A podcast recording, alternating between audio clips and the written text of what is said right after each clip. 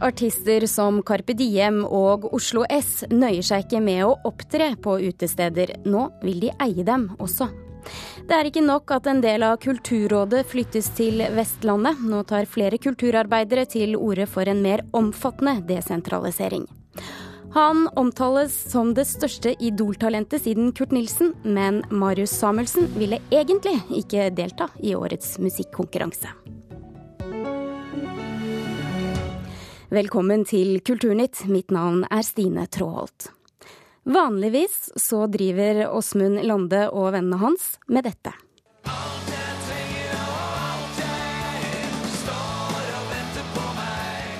Mens Magdi og Chirag er kjent for dette.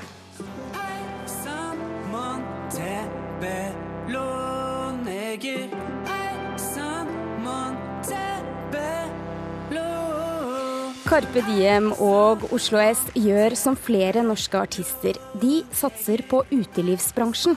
Gutta i Oslo S åpnet nylig sitt tredje utested i et nedlagt postkontor på Oslos østkant. Det var jo et gammelt postkontor som ble lagt ned, så her inne har vi hvelvet til Så det er liksom sånn Metall Den døra her er jo en halv meter tjukk. Så er det jo fire meter under taket eller noe sånt. Så her var rett og slett penga, penga før. Tøyen torg er gått fra et av byens tristeste til et av byens hippeste. Nå er det en uh, hyggelig sånn sitte, sitteplass for åtte-ni uh, stykker, kanskje. Du trenger ingen trone, vær kongen ut, nei krone sånn som meg. Med en manager med forretningsteft og en innbringende periode bak seg utvidet vokalist Åsmund Lande og bandkompisene i Oslo S i fjor repertoaret, og ble utelivsinvestorer i tillegg til band. Det er jo jævlig rock'n'roll, liksom. Og, helt sikkert en bra investering, men først og fremst et utrolig kul ting å gjøre da, som band, liksom. Som en kameratgjeng. De regnet ikke med å få igjen pengene. Men så har det gått veldig bra. Så siden da har de gått inn på eiersiden i to utesteder til. Ett til på Tøyen, og nylig ett i Drammen man er liksom ikke alltid aktuell og ute med skive og ute og spiller, så da kan det helt sikkert dette her sånn være med og spe på litt. Vi, ikke, vi, vi, tjente oss litt rike før vi starta den puben her, og så, og så, går dette her rundt, da. Man, jeg digger, digger at vi står i kursiv, yeah, yeah, yeah. Og disse Også Karpe Diem har blitt utestedseiere i Oslo. Det samme har Alex Kloster Jensen, som bl.a. har spilt med Madrugada. Bjørn Hoel i Tromsø og Vågård Unstad fra A-laget i Bergen er to andre eksempler. Det kan jo være at de ønsker å gå inn i litt andre investeringer enn bare å jobbe med, direkte med musikk. Og det kan jo være at utelivsbransjen er eh, et naturlig sted for dem, og hvor de har mye kontakter. Sier plateselskapveteran Jørn Dahlshow, som har skrevet bok om de forretningsmessige sidene ved artistlivet. Han tviler på at den norske utelivsbransjen vil tiltrekke seg veldig mange flere artistinvestorer framover. Han setter likevel rekken med nylige eksempler i sammenheng med en annen utvikling han mener å se. Artister er blitt mye mer fornuftige enn tidligere når det gjelder å investere pengene sine. Og Det har nok litt med at vi har hatt mange magre år, og fortsatt for mange er det, er det ganske magert. Sånn at når man først er heldig og oppnår suksess, så ser man også at det er mye mer nødvendig nå å spare også for de årene som kommer hvor man kanskje ikke har plateutgivelser eller har en stor turné eller andre, andre aktiviteter for at man skal kunne være med på eiersiden av så må du ha økonomi til det. Så Det betyr jo at en del norske artister gjør det greit for tiden. Påpeker Fredrik Saroea, vokalist i Datarock og deleier i Bergens første og eneste Michelin-anbefalte restaurant. Han tror artister tar med seg noe av skapergleden når de investerer i utesteder, og at det ikke handler så mye om profitt som f.eks. lokalpatriotisme. Eller du investerer i noen ting som gir deg en personlig glede. Vi har noe, vi har noe mer uh, i kikkerten, sammen, sammen med noen gode venner av oss. Åsmund Lande og resten av Oslo S ser ikke for seg å stoppe med bare tre utesteder, men han er likevel klar på hva som er viktigst. Det må ikke bli liksom for mye fokus på det. Liksom. Det, er, det, er, musikken som alltid står i fokus. Og da, ikke, da, kan man ikke drive og gå rundt og bekymre seg for omsetningstall på puber rundt omkring i byen for mye. Reporter i denne saken var Gjermund Jappé. Og mens noen artister satser på utelivsbransjen, så vil Kygo lage både klær og elektronikk. Vi kommer ganske langt, ja. Tidligere i dag var jeg i møte med en designer, det var om klærne. og jeg ser Klær er jo noe jeg har interessert meg for lenge. Det sier Norges Wonderboy nummer én for tiden. Kygo har blitt superstjerne på under to år, og allerede i august kommer han med sin egen kolleksjon med klær og musikkelektronikk under merkenavnet Kygo Life. Altså, Foreløpig så er det, det er klær. Av tekstil, så det er T-skjorter og det er både dame- og, og herreklær. Eh, og så er det jo selvfølgelig høyttalere og hodetelefoner og sånn hardware som er mer i ja, musikken. da. Og caps. Og capser må vi selvfølgelig ha med. Kygo samarbeider med Jan Inge Gullikstad, mannen som har hjulpet både Kari Traa, Therese Johaug, Bjørn Dæhlie og Vegard Ulvang med å få plass i norske klesskap. Moren til musikkgeniet, Kjersti Gjerde, sier at familien har langsiktige planer for Kygo Life. Dette med Kygo Life er noe som Kyrre kanskje kan leve av når musikken eh, dabber av eller går over i en andre former. At kanskje barna hans og barnebarna hans kan leve av dette. At dette kan være på en måte et forhåpentligvis et økonomisk fundament som man kan ha glede av videre og ha som et livsgrunnlag. Kygo er jo en av de største merkevarene noen har hatt, så om det er noen som skal lykkes, så må det være han nå. Det sier Sindre Olsson, som er seniorrådgiver innen livsstil hos Gilmyden Kise. Han sier det er svært uvanlig å se en artist som ikke nøyer seg med å samarbeide med etablerte kleskjeder, men som vil lage sitt eget verdensomspennende merkenavn. Jeg tror absolutt at dette er smart å tenke merkevarebygging i et videre perspektiv for ham. Men det kommer enda mer, for hva er vel en verdensstjerne uten en skikkelig film om seg selv? Plateselskapet Sony har leid inn en regissør fra New Zealand som har fulgt bergenseren over hele verden. Planen var jo at eh, vi skulle ha en liten dokumentarfilm når jeg slipper albumet. på en måte Vise veien til den, dette albumet, på en måte. Men eh, det virker som litt forsinket. Kanskje de har lyst til å gjøre det, gjøre det helt perfekt. Reporter Petter Sommer. Det er opprot, opprop mot regjeringens kulturkutt i alle landets fylker. Reporter Eirik Tufteland Kroken, hva dreier dette seg om? Ja, det er Klassekampen som skriver at bevilgningene til kulturbygg er halvert de siste årene. Kultursjefene i alle 19 fylker protesterer mot det de mener er regjeringens kuttpolitikk. Eh, etter at bevilgningene til kulturbygg ble flyttet fra statsbudsjettet og over på overskuddet fra Norsk Tipping, så har det vært en reduksjon på mer enn 30 millioner kroner årlig.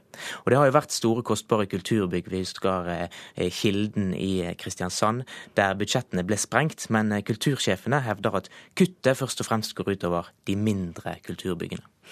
Og så til noe annet. En nordmann som har gjort det stort i USA.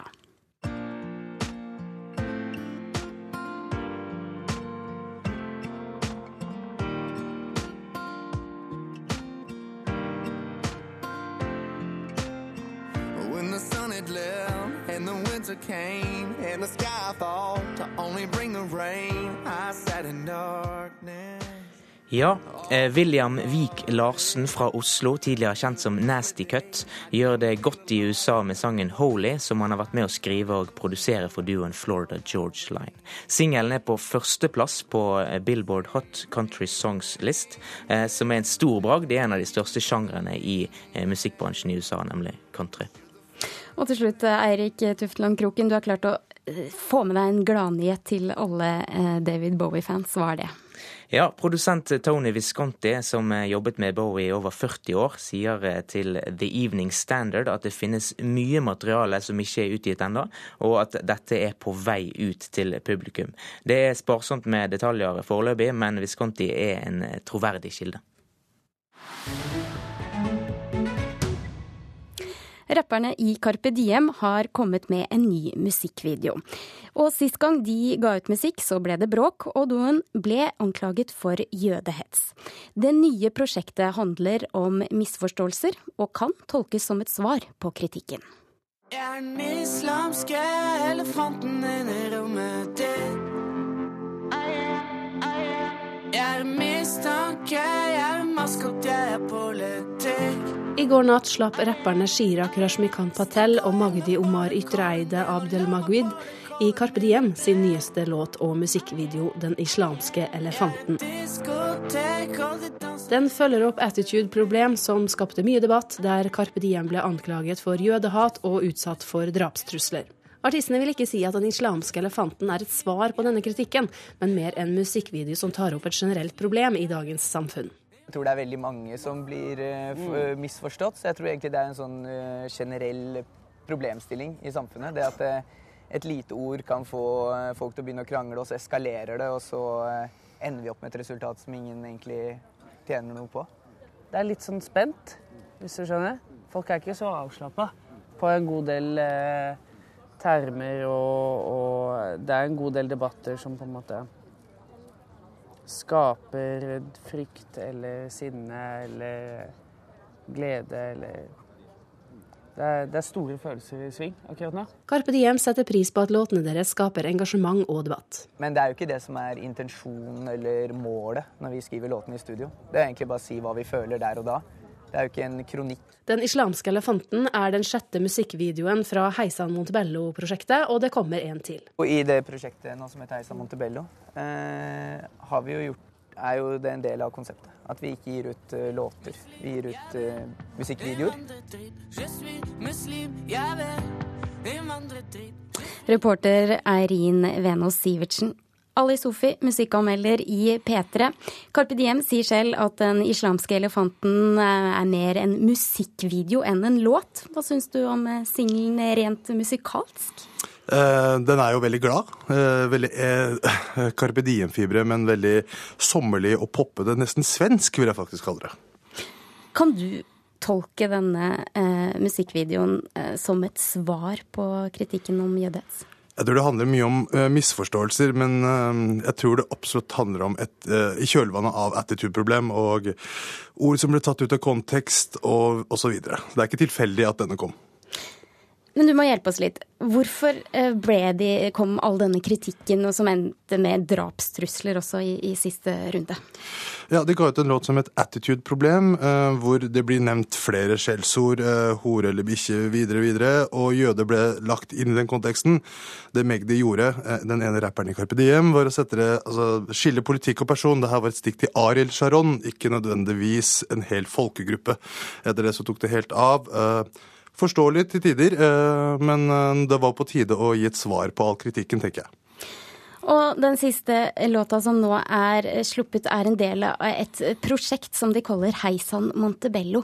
Hvis du ser dette verket i en helhet, hvordan vil du beskrive det? Storslått. Mye penger. Det, det, er veldig mye ressurser og tid og energi og penger som har blitt lagt inn i dette prosjektet. Hvordan ser du det? Uh, uh, musikkvideoene. Det er mye det er, Hva man kaller det? Production, um, production, value, som man sier det på godt norsk. Uh, det er mye Det er liksom satt veldig mye energi på der, og det er veldig kult, fordi er det noe man liker å se, er det, så er det kule videoer. er de gode skuespillere? Det er litt um, skuespill her også i disse videoene? Det er jo det. Uh, Magdi spiller jo en skikkelig hardhaus i den nyeste videoen, mens Chirag inntar den litt mer sånn ikke uh, halvveike jeg, jeg, er ikke muslim, jeg er inder-rollen. Uh, det er morsomt, for all del. Det Men er, er det troverdig? Er de flinke? jeg tror mer på Magdi her, må jeg innrømme. Men jeg ler godt av Chirag, det skal sies. Carpe Diem er omstridt, og det er hylla. Hvor stor øh, påvirkningskraft øh, tenker du at de har? De har kjempestor. Altså Hvis man ser litt tilbake til Med ti kniver i hjertet-albumet altså De traff med storslåtte, svære låter om livet og inkludering og hva enn det skulle være. Livsbejaende kraft. da. Og så bruker de øh, denne, dette prosjektet på å belyse ting som de mener er viktige, som er liksom hemskoer i, i samfunnet, og det de mener er feil, rett og slett. Så de tar seg råd til å underholde og eh, informere. Var dette siste runde i dette verket, eller kommer det mer? Det kommer én til, tror jeg. En til. Tusen takk for at du kom til oss i Kulturnytt, musikkanmelder i eh, P3, Ali Sofi. Du hører nå på Kulturnytt, og klokka den er 17 minutter over åtte. Dette er hovedsakene i eh, Nyhetsmorgen. Statoil og andre store selskaper gir altfor rause sluttpakker når de skal kutte i bemanningen, mener kritikere. Hillary Clinton utropes som vinner av nominasjonskampen på demokratenes side av amerikanske medier.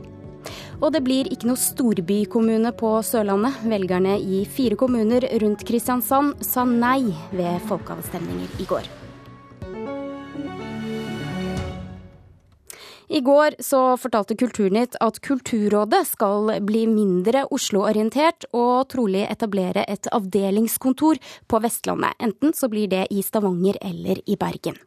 Dette er ikke nok. Større deler av Kulturrådets administrasjon bør flyttes ut av Oslo. Det mener tidligere nestleder i Kulturrådet, Arnfinn Bjerkestrand. Den regionen som er god på noen ting, eh, kan være den som kan få en oppgave om det er museumsforvaltning eller festivalstøtte eller kulturnæring. Det sier tidligere nestleder i Norsk kulturråd, Arnfinn Bjerkestrand. I en rekke år har Kulturrådet blitt anklaget for å prioritere Oslo-baserte kunstnere når stipendene skal deles ut. Og nå har de selv foreslått i en rapport skrevet på oppdrag fra Kulturdepartementet å flytte administrasjonen for feltet kultur og næring til enten Bergen eller Stavanger. Men det er ikke nok, mener Bjerkestrand, som sier han vet om flere regioner og byer som er interesserte i å overta noen av oppgavene til Kulturrådet. Min inngang har vært hva gjør vi med de regionene hvor det ikke er søkere, og hva kan vi legge til rette for for at det kommer søkere derfra? Og hvordan kan vi legge til rette for at det kan bli mer kvalitetssøknader derifra. Fordi at kvalitet er ofte snakk om ulike rammevilkår. Og de er som sagt forskjellige fra Oslo og kanskje andre steder i landet. De regionene som er aktuelle for dette, kan være med på å prege det feltet de skal betjene. Og at det er kort kortere avstand inn til de som skal forvalte ulike ordninger. Leder av kommunalstyret for kultur og idrett i Stavanger, Anna Maria Gutieres fra Venstre, er glad for at Kulturrådet vurderer å legge deler av sin virksomhet til Stavanger. Men hun mener de bør legge mer av virksomheten utenfor Oslo. Norsk kultur på nasjonalt hold er veldig, viser et mangfold, det er veldig variert. Og da er det veldig greit hvis nasjonal kulturpolitikk har bedre kontakt med de lokale eh, miljøene. Kjenner til de lokale kunstnerne. Kulturrådet deler ut flere hundre millioner kroner i året til kulturformål. Fungerende direktør i Kulturrådet Vibeke Mor sier at de i rapporten har vurdert hvilke deler av administrasjonen det er hensiktsmessig å flytte ut av Oslo. De har funnet ut at det i kultur og næring er gunstig å flytte dette til Vestlandet. På andre felt er det mer hensiktsmessig å ha administrasjon i Oslo, bl.a. av hensyn til nærheten til Kulturdepartementet. Kulturminister Linda Helleland mottok rapporten denne uka. Nå har vi fått det forslaget her som vi skal gå grundig gjennom. Så skal vi også sjøl gjøre en del eh, gjennomganger. Og så skal vi da til høsten i forbindelse med statsbudsjettet legge fram et forslag om hva vi mener skal flyttes ut, hvordan vi skal bygge opp en ny enhet for kreativ næring, og hvor det eventuelt skal ligge. Eirin Venås Sivertsen hadde laget dette innslaget.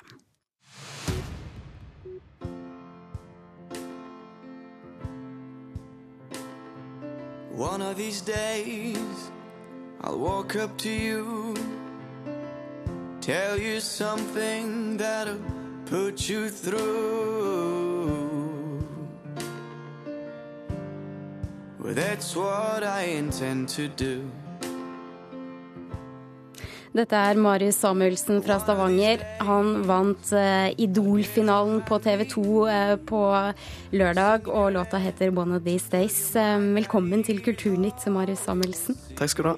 Jeg er tom for ord. Din første reaksjon etter at seieren var sikra. Har du landa nå? ja, det har vært litt av en helg, men nå begynner jeg endelig å lande litt. Ja, hva, Hvordan kjennes det? Eh, det kjennes helt fantastisk ut, rett og slett. Du, Til Dagbladet i dag så forteller du at du egentlig ikke hadde tenkt å være med i konkurransen. Hvorfor ikke det? Nei, jeg, jeg var med sesongen før, og da kom jeg ikke særlig langt. Så når jeg ble oppringt av uh, Idol, så var det rett før jeg sa nei. Men etter mye om og men så bestemte jeg meg for å bare hoppe i det. Ja, Var det så stort nederlag å ikke komme videre sist, første gang du prøvde? Nei, nei det, det, var ikke det. Men uh, det var bare fordi jeg uh, ikke ønsket å delta en gang til. Tror du du har forandret deg mye på det året, da, siden du nå vant hele konkurransen? uh, ja, det har jeg. Absolutt. Hvordan da? Det var jo to år siden akkurat, siden sist gang jeg var med på Idol. Um, og de to siste årene har vært de mest produktive årene i uh, mitt musikkliv. Ja, for du skriver musikken din sjøl. Uh, hva er det som opptar, deg? Det er mye.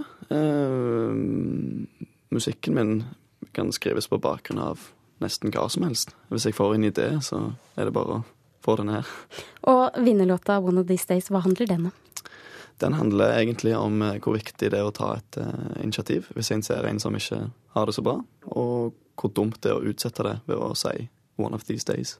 Er det personlige tekster for deg? Eh, noen er mer personlige enn andre. Hvem er det som har lært deg å skrive musikk? Du er 18 år og har ingen uh, musikkutdanning foreløpig. Nei. Um, det er en uh, prosess som jeg har lært meg sjøl, rett og slett. Jeg begynte å skrive i 9. klasse, og siden den gang så har jeg bare fortsatt.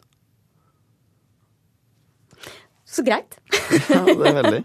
Men du, en liten ting. Nå, så vidt jeg har klart å telle meg fram til, så var denne sesongen den tiende Idol-sesongen, og derav eh, like mange vinnere. Men og alle har jo det samme utgangspunktet, men det er ikke alle som har klart å etablere seg som artister. Nei. Hvordan skal du klare det? Jeg sitter på mye musikk. Um, jeg har ganske klare retningslinjer for hvor jeg vil som artist. Um, Hvor vil du? Jeg har tatt to egenkomponerte låter nå på Idol. Den ene heter Paper Guns, og den andre som hørte litt av i stad, heter One of These Days. Uh, og jeg mener at det er veldig gode eksempler på hvor jeg vil. Til slutt, nå har du fått platekontrakt. Når du skal beskrive din første plate, som da kommer om en stund, hva, hva slags ord bruker du da? um, platen uh, Det må vi se litt på hva, hva som skjer. Uh, tar én time om gangen. Nå skal jeg uh, spille en del i sommer, og forhåpentligvis komme meg tilbake til studio så fort som mulig, og så får vi se. Marius Samuelsen, tusen takk for at du kom til Kulturnytt. Takk for meg.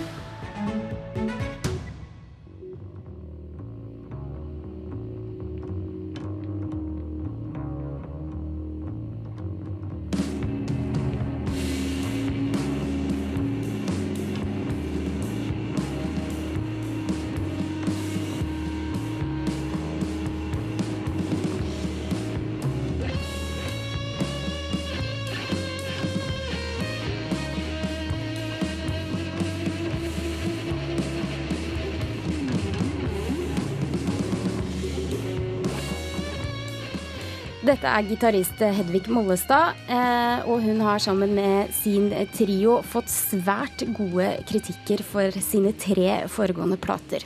Og nå er hennes, eh, eller deres, siste eh, album ute. Mange omtaler Mollestad som en av våre aller beste gitarister, uansett sjanger. Anmelder Svein Magnus Furu, er du enig i det? Ja, det tror jeg nok vi kan, at jeg kan skrive under på. Hun har en utrolig bredde, hun har en utrolig teknikk, og i tillegg så har hun en veldig god sans for eh, deilige gitarriff, som, som hun, mange nok misunner henne. Når vi hørte eksempelet her, så kan vi ikke unngå å snakke litt om sjanger. For eh, hun plasseres både i jazz- og rockesjangeren. Den siste plata. Hva, hva er dette? Jo, altså hun, Grunnen til at hun plasseres i forskjellige sjangere dette, dette, vi hørte nå, det er jo ikke så mange som vil til på at dette er en uh, skikkelig god gammeldags rockelåt. Men uh, hun har jo en, har jo en jazzutdanning, og hun har studert bl.a. med Jon Eberson, som jo var en sånn typisk gitarist som både har en del rockegitarist i seg og en del jazzgitarist i seg. Dette har hun veldig tatt med seg videre, og i de siste tre platene så har hun hatt et, med denne trioen hatt et veldig veldig tydelig sånn rockeuttrykk. Etter den debuten som kom i 2009, så var det så, så slo, Den slo veldig godt an i kritikerkretser, særlig i rockemagasinet i, i, utlandet. Så fikk hun veldig mye blest. Det som har skjedd nå, på den siste platen her, som heter Black Stabat Mater, som er et slags lite, et lite hint til Black Sabbath, som er et av de store forbildene deres, så, så går de litt i noen litt nye retninger. De, de viser mer av denne jazzbakgrunnen som de har. Det er litt lengre låter, det er litt mer utforskende harmonikk, det er mer utagerende soloer, kanskje. Det er også kanskje noen steg mot prog. Vi har en låt som heter In the Court of the Trolls, som er kanskje et lite hint til King Crimson, som er et av de store prog-bandene på 70-tallet. Og så er det et stadig mer kollektivt prosjekt. Det er ikke så mye Hedvig Molstad sitt band lenger. Nå er det mer et, en, en, trio, hvor Ellen Brekken på bass og Ivar Lo Bjørnstad på tromme også deltar med å skrive låter og musikk. Og vi får også på denne her høre en litt sånn utypisk låt for denne trioen. Nemlig en sånn minimalistisk og litt rolig sånn klangimprovisasjon som viser slektskap til jazzgitarister som Mark Ducré og Hilmar Jensson.